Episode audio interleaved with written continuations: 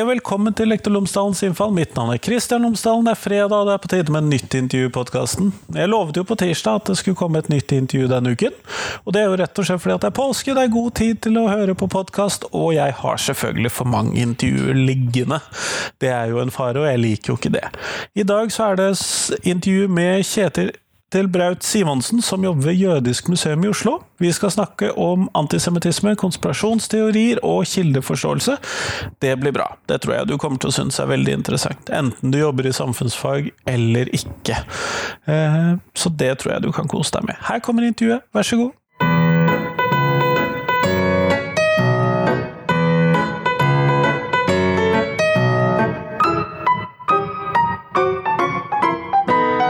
Kjetil Braut Simonsen, tusen takk for at du har tatt deg tid til meg. Det var veldig hyggelig å bli invitert hit. Før vi starter selve intervjuet, kunne du fortalt lytterne mine tre ting om deg selv, sånn at de kan bli litt bedre kjent med deg. Jeg heter Kjetil og bor i Oslo. Eh, jeg er historiker og forsker ved Jødisk museum i Oslo. Eh, jobber der primært med antisemittisme som historisk fenomen i Norge. Akkurat nå et prosjekt om antisemittismen etter 1945. Jeg er veldig glad i å spille bass. Det er det jeg gjør. Mest når jeg ikke er med mine på fritida, når jeg ikke er sammen med mine barn, som jeg også er ganske mye. Kjempeflott med. Og det er nettopp denne antisemittismen som vi kanskje mest skal snakke om, ikke denne basspillingen i det, dag. Vi kan godt snakke om begge deler, men uh...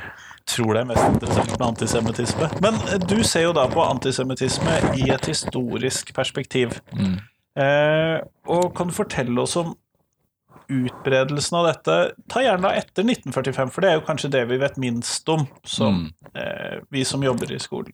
Ja, jeg tar noen linjer bakover først, fordi antisemittismen har jo uh, utviklet seg i ulike historiske faser. Den har en lang historie.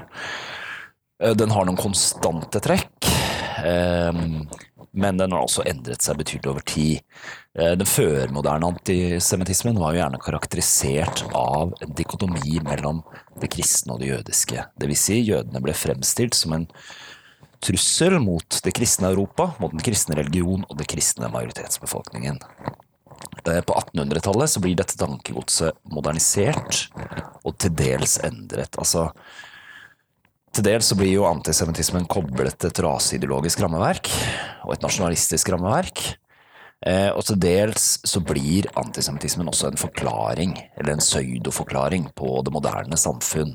Det vil si, man hevder at jødene står bak det man karakteriserer som ulike nedbrytende og ødeleggende krefter i samfunnet, som eksempel liberalisme, sosialisme, feminisme, eh, moderne pengeøkonomi, Eh, så alle forandringer? Alle endringer. altså Det blir en forklaringsmodell på komplekse sosiale endringer som oppfattes som et resultat av en jødisk sammensvelgelse fra antisemittenes side. Eh, det som skjer etter 1945, er jo at eh, holocaust-erfaringen etter hvert blir kjent. Eh, man, nyhetene om nazistiske utryddelsespolitikken kommer nokså tidlig opp i nyhetene i Norge. I løpet, kommer det jo beretninger i løpet av 1945-1946 fra jøder som har, selv har vært i leirene. Eh, norske jøder også. Eh, og på en måte, Erfaringen med holocaust gjør jo at åpenlys antisemittisme, og særlig da i den fascistiske varianten, blir tabusert i mye av Europa. Det vil si, det blir etablert en norm hvor åpenlys hatefulle ytringer om jødene etter hvert blir uh, etter hvert blir tabubelagt. Nei, det blir tabubelagt, da, rett og slett. Det som da skjer med antisemittismen, er på den ene siden at den blir privatisert. Det vil si, fra å forekomme åpent i offentligheten, så uh, blir den på en måte pressa inn i den private sfæren. Og, og kommer nå til uttrykk som en sånn slags hverdagsantisemittisme i form av holdninger, handlinger, altså vitser om jøder, ikke sant, mobbing av jødiske elever på skolene, etc., etc. Det blir også et sånn karaktertrekk ved ekstreme politiske grupperinger, særlig det høyreekstreme, som på en måte definerer seg ut av mainstream-diskursen.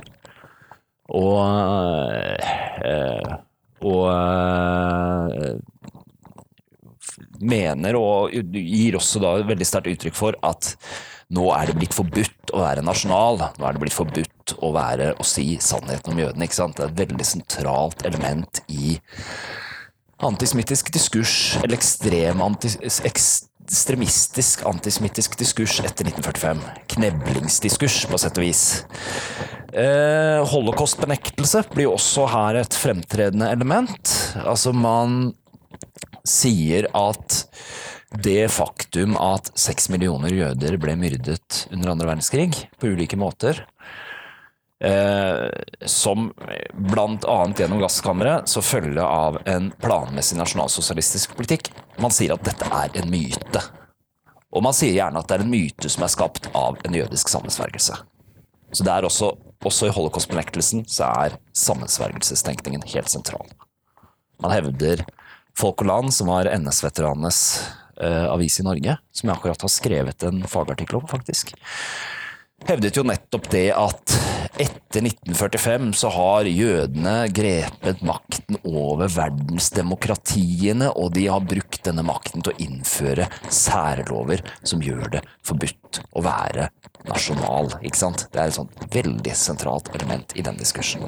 Tatt over verdensdemokratiene, faktisk. Ja, ja altså de, Og de bruker da, mener antisemittene, holocaust aktivt til å holde sannheten. Eller historien om holocaust, som man kaller det gjerne. Til å holde liksom disse nasjonale kreftene nede. Og, så- og holde på makt for seg selv. Dette høres jo ut som uh, tendenser som jeg kan se i norsk politikk i dag, uh, må jeg jo si. Uh, Det høres jo ikke fremmed ut, da. Nei, altså, du, du kan si eh, konspirasjonstenkning som fenomen. Eh, hvis vi trekker det på ett Hvis vi ser litt lenger enn eh, kun på antisemittisme, har jo visse konstante strukturer. Eh, Det ene er at det er en dualistisk tenkemåte som bygger på en konstruksjon av vi og de andre, hvor de andre er definert som absolutt onde, på sett og vis. Absolutt onde, absolutt nedbrytende. Absolutt. Vi-fellesskapet derimot betraktes til dels som ofre, men til dels også som en utvalgt elite som har lykkes i å skue gjennom sløret av propaganda fra og, og, og identifisert den egentlige sannheten. Parentes bemerka, dette var et veldig sentralt element også i NS og Quislings propaganda. Quisling sa nettopp det, at vi i NS har sett gjennom løgnene fra det gamle regimet før 9. april 1940, og sett hvilke forfall Norge i realiteten har gjennomgått, og også oppdaget at dette er et resultat av skjulte klikkers sammensvergelse, ikke sant? Gjerne da, som Jan Quisling selv gjerne identifiserte som den jødiske ånd i allianse med Storbritannia og lignende. Så, så dette er dette er jo også gamle tankestrukturer, men jeg tror at disse strukturene til dels altså en dualistisk tenkemåte, til dels en tenkemåte at ingenting skjer tilfeldig, alt er planlagt. Historie og politikk er et resultat av et bevisst, skjult komplott. Det skjer ikke tilfeldig, det skjer planmessig. Det tror jeg, De strukturene tror jeg også kan, kommer til uttrykk i andre gruppekonstruksjoner. Slik at vi også selvfølgelig har konspirasjonsteorier rettet mot en rekke andre grupper. Men eh, når du da, for nå snakket du om eh, Nasjonal Samling sitt eh, blad eller magasin, eller hva vi skal kalle det, eh, etter andre verdenskrig og litt fremover. Eh, men i hvilken grad finner vi antisemittisme i Norge i dag? Ja. HL-senterets eh, undersøkelse fra, undersøkelser fra 2011 og 2017 gir jo tall på antijødiske holdninger i norske majoritetsbefolkningen. Eh, I 2011-undersøkelsen, uten at jeg husker nå i farta de eksakte tallene, så lå vel tallet på prosent, altså, prosentvise andelen i norske befolkningen som hadde klare antisemittiske fordommer, lå jo overkant av 10 Jeg lurer på om det var 11 eller 12% om jeg husker det riktig. I 2017-undersøkelsen så hadde dette redusert, dette tallet blitt redusert noe. Til, om jeg husker riktig, sånn 8-9-7-8 prosent. Eh, kanskje. Jeg, jeg er ikke helt sikker på tallene, som sagt. Men litt redusering. Ja, litt redusering. Eh, der hadde man også en undersøkelse av, en, eh, av bl.a. muslimers holdninger til jøder, og der var tallet for prosentandelen for fordommer klare antijødiske fordommer en god del høyere i den gruppa. Eh, så er jo klart antisemittismen i en sånn åpen ideologisk form er jo eh, eh, og, som en mer helhetlig ideologi er jo først og fremst et fenomen som kommer til uttrykk i politiske ekstremgrupperinger. Et eksempel nordiske motstandsbevegelsen, som jo er en ny nazistisk organisasjon. Uh, annet eksempel fra 90-tallet er jo de ulike militante skinhead-grupperingene, som jo knyttet seg opp mot den såkalte SOG-teorien. Det vil si forestillingen om at eh, jødene allerede har erobret makten over verden. ikke sant? Det må du fortelle meg mer om. ja, SOG det står jo for Sinist Occupation Government. Det vil si den sionistiske okkupasjonsregjeringen. Det er en moderne adapsjon egentlig av klassiske nasjonalsosialistiske konspirasjonsforestillinger. Ja, en moderne, moderne, modernisert utgave av nettopp det. Eh, det er et, selve uttrykket sog ble jo mynta i eh, ytterliggående eh, høyreekstreme amerikanske kretser på sånn 70-80-tallet. Det det ga et uttrykk for der, var en vending av det rasistiske høyre i en mer erklært revolusjonær retning. Eh, mens man tidligere hadde ofte forfektet en sånn slags konservativt forankret rasisme, så hevdet man nå at eh, de skjulte Altså at eh, den hvite rases motstandere i USA, som man kaller det, da, allerede hadde grepet makten. Og i spissen for disse motstanderne av den hvite rase, så mener man står jo da jødene eller den sionistiske okkupasjonsregjeringen. Så Det er også en markør på at man har inntatt en revolusjonær posisjon. En revolusjonær høyreekstrem posisjon, på sett og vis. Det nytter ikke lenger å Man må gripe makten? Ja, ja, nei, man må gjennomføre en revolusjon. Eh, en rasemessig revolusjon, ikke sant, for å sikre den hvite rases eksistens og livsgrunnlag, som man er de begrepene man gjerne bruker. Nettopp. Eh, finner vi dette i dag i Norge? Denne type tenkningen? Den nordiske motstandsbevegelsen f.eks. for eksempel er jo en marginal organisasjon. Det er jo viktig å understreke. Eh, så du finner du kan si den helhetlige det helhetlige konspirasjonsnarrativet finner du først og fremst i en del marginale grupperinger ytre høyre, eller deler av ytre høyre. Eh, men også enkelte altså islamistiske ekstremgrupperinger. Selv om jeg brukes vel ikke begrepet SOG, vil jeg anta. Jeg kjenner ikke så godt til de. Men, eh, men der også har de jo mer helhetlige antisemittiske konspirasjonsteorier, da. Eh, du har jo hatt, også hatt noen eksempler på visse medlemmer av organisasjonen Alliansen, som sprer holocaust-benektelse og sånne ting. Men, men, jeg må understreke at dette er små grupperinger, altså. Så vi skal på en måte ikke overdrive betydningen av dem. I skolen så vil vi vel kanskje i større grad finne eh, tendenser til konspirasjonsteorier heller enn eh, direkte antisemittisme, vil jeg vel kanskje tenke meg i utgangspunktet. Og da er jo et store spørsmål der hvordan tenker du at man må jobbe mot konspirasjonsteorier? Ja, altså jeg er ikke lærer, og jeg har ikke veldig mye undervisningserfaring. Eh, jeg er forsker, så jeg skal ikke sitte og lage noe sånn uh, Her er mitt eh, undervisningsopplegg. Nei, jeg skal ikke sitte og lage Jeg skal ikke sitte og lage noe sånn manual for hvordan lærerne skal jobbe med dette. Men det er jo noen, klart det er noen prinsipper som er viktige, mener jeg, da. Det ene er at man burde ta det litt med ro. Altså, elever roter slutter øh, med mye rart, altså når de er i ungdomsalderen. Det gjorde jeg sjøl òg. Jeg satt og hørte på punk og leste rare bøker da jeg var 14-15 år, og jeg mener, det må de på sett og vis få lov til. Det er ikke alt som stikker like dypt, ikke sant? Så, så ikke, ikke få panikk, ikke begynne å liksom Nei, sånn må du ikke si! Satanistfrykten på 90-tallet som eksempel? Kanskje? Ja, ja altså dette, for det, det, er, en sånn reaksjon kan få dette til å virke spennende, mer spennende enn det faktisk er. ikke sant? Eh, det er jo forskjell på forebygging og brannslukking også. Jeg mener jo at en god forebyggingsstrategi mot f.eks. høyreekstreme ideer, da, det er jo å skape trygge identiteter i både i klasserommet og utenfor klasserommet. Fordi en viktig funksjon ved både konspirasjonstenkning og eh, oppslutning om høyreekstrem tenkning og, og høyreekstreme grupperinger, det er jo nettopp søken etter identitet.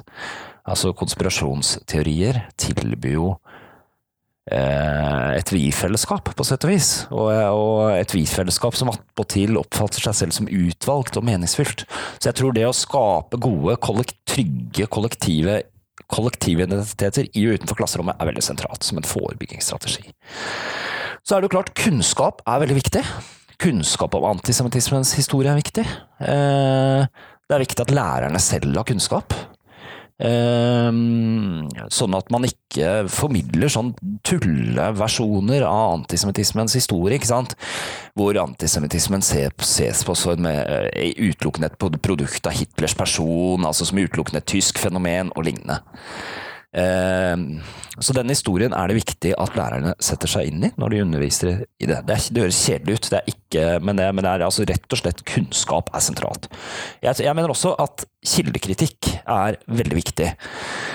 Ehm, når man leser diskusjoner på sosiale medier og sånn, så får man ofte ofte en sånn uh, Møter man ofte uh, påstand om at har du, eller et spørsmål om har du kilde på det? Og kilde på det og det, det kan vi jo godt finne for det meste, men dette er jo ikke kildekritikk. Og dette er ikke kildeforståelse. Jeg tror at det er veldig viktig at, læreren, at elevene jobber med kilder. At de lærer seg noe om kildenes funksjon og om kildenes begrensninger. Vil si at en kilde kan være god, en kilde kan være dårlig, en kilde kan være riktig for seg, men forteller noe annet dersom den står sammen med andre kilder, ikke sant? En kilde kan være inneholde for så vidt sanne opplysninger, men misbrukes, ikke sant? At de lærer en del sånne grunnleggende verktøy, det tror jeg er veldig viktig. Og et viktig poeng der er at man trenger ikke knytte dette bare til formidling om konspirasjonsteorier. Altså kildekritikk kan du lære om når du undervises i Kalmarunionen, ikke sant? Dette er prinsipper som er veldig viktige. Du trenger ikke å gå til de kontroversielle temaene for at det skal være viktig? Nei. Eh, det er noe du kan jobbe med overalt, mener jeg.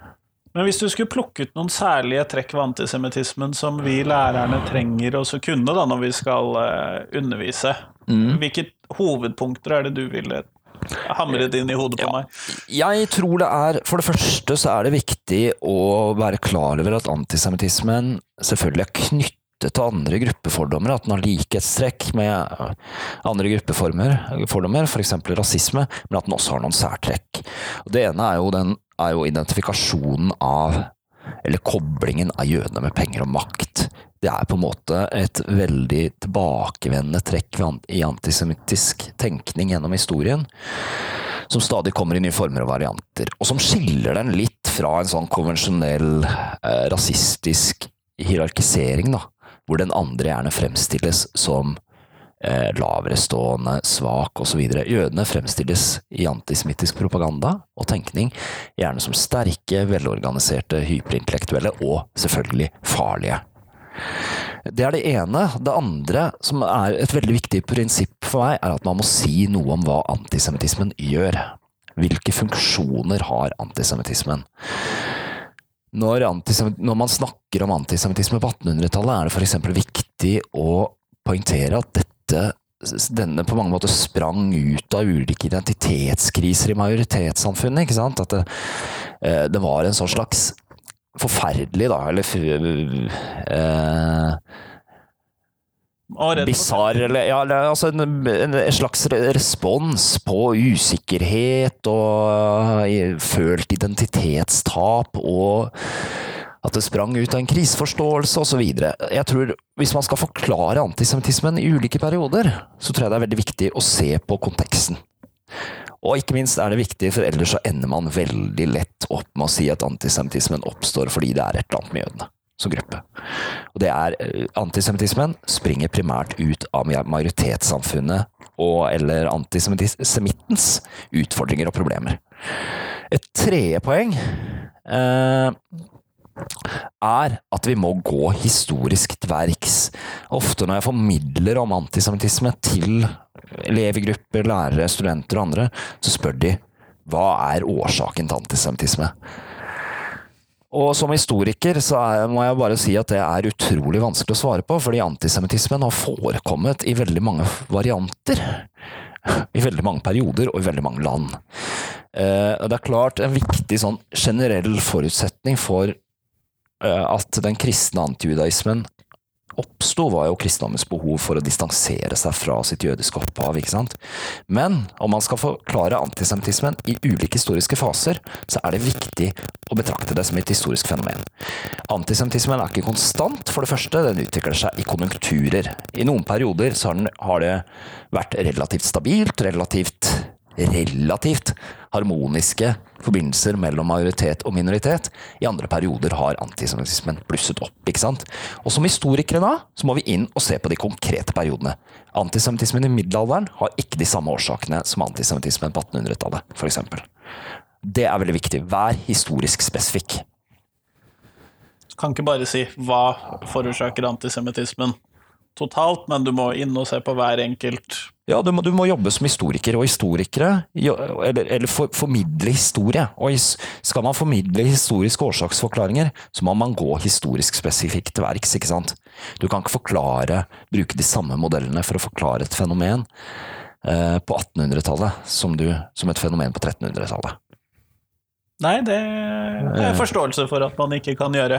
Du kan, du kan bruke modeller med på en måte, selvfølgelig, men på tvers av perioder. Men, men altså det er, viktig, det er, viktig, å ikke ta den late løsningen, på sett og vis.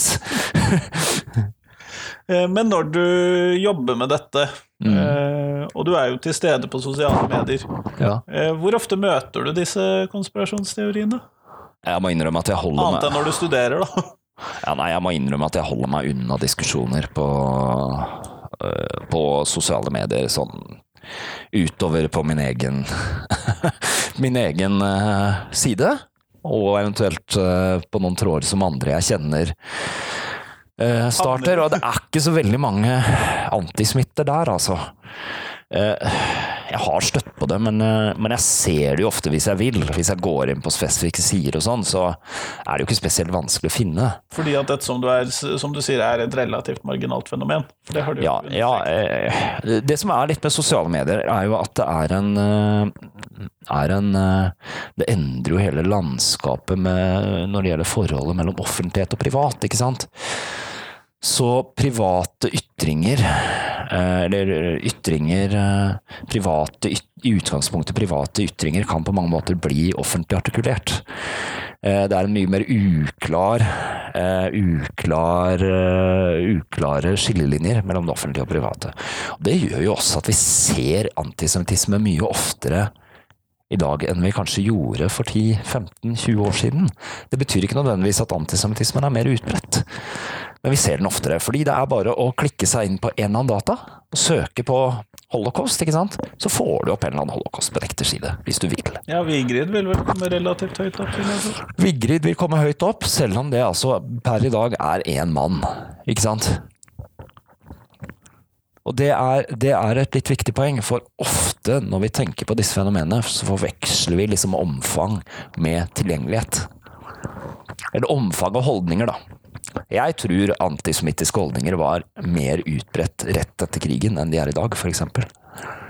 Eh, på 50-, 60-, 70-tallet. Selv om det ikke ble ytra noe særlig i offentligheten. Um, fordi det er klart den, den voksne generasjonen da hadde vokst opp i en kultur før krigen hvor det å ytre stereotypiske holdninger om jødene var mye mer allment akseptert enn de, er, de var etter krigen. ikke sant? Men, men, det er klart, tilgangen i dag er mye større. Du trenger ikke lenger kjøpe eh, du trenger ikke lenger bestille skinhead-fanziner per, per, per, post, ikke sant, for å få tak i dette materialet. Og da skal du være spesielt interessert? Da skal du være, enten skal du være, ha en viss sympatisk innstilling til dette miljøet, eller så skal du være spesielt interessert forskningsmessig, ja. Veldig mye lettere å trykke holocaust i Google og så det er veldig mye lettere, og det kan du gjøre bare fordi du syns det er litt spennende, ikke sant? Sønnen min kunne sikkert gjort det. Han er elleve år. Ja. Eh, Vi går mot slutten av podkastintervjuet, mm. og da har jeg det samme spørsmålet til deg som til de andre som jeg intervjuer på podkasten, og det er eh, hvis du skulle lage et nytt fag i skolen, hva skulle det hete, og hva skulle det inneholde? Kildeforståelse skulle det faget het. Og det handler om ikke bare kildekritikk, men forståelsen av hva er en kilde? Hva kan vi bruke en kilde til, eller flere kilder til? Og hvordan bruker vi kilder til å bygge kunnskap? Jeg skulle ønske at elevene hadde gjennom det og jeg er farga at jeg er historiker, altså. At man på en måte hadde fått en forståelse av hvor vanskelig kunnskapsutvikling er. Og hvor usikkert mye er, ikke sant?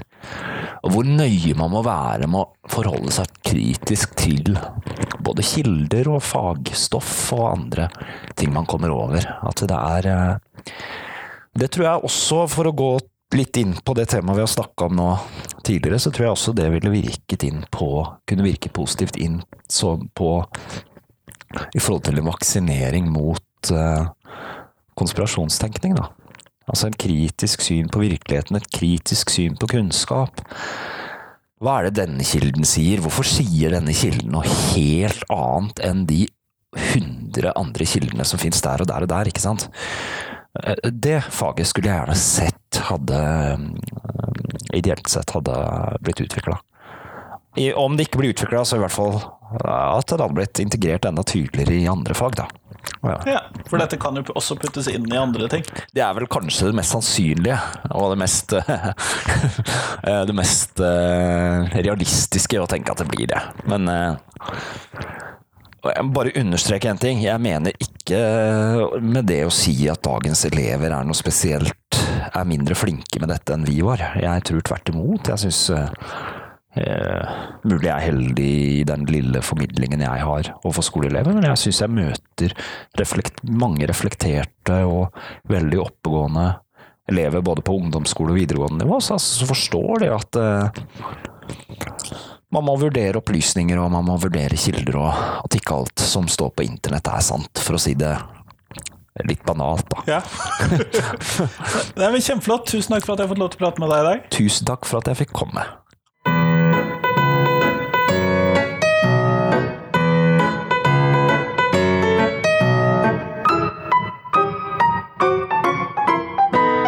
Tusen takk til Kjetil, og tusen takk til deg som hørte på. Nå er det bare noen dager til neste intervju. På tirsdag så kommer det et intervju som vanlig, så det tror jeg du kan glede deg til. Men i mellomtiden så hadde jeg håpet at du kunne hjelpe meg med å finne noen navn til noen nye jeg kunne intervjue. Det blir jeg alltid veldig glad for. Jeg er jo alene om å drive denne podkasten, og jeg har jo bare så mye fantasi. Sånn at hvis du kunne komme på noen som du tror jeg burde snakke med på podkasten, så ville jeg blitt veldig glad for det. Det kan du sende inn på alle mulige måter, egentlig, men det fins et eget dedikert skjema på lektorlomsdalen.no for å sende inn slike tips. Så det finner du der, eller så send meg en melding på en eller annen måte. Du finner meg sikkert der du vil. Men i hvert fall, fram til tirsdag så får du ha en god helg. Hei, hei!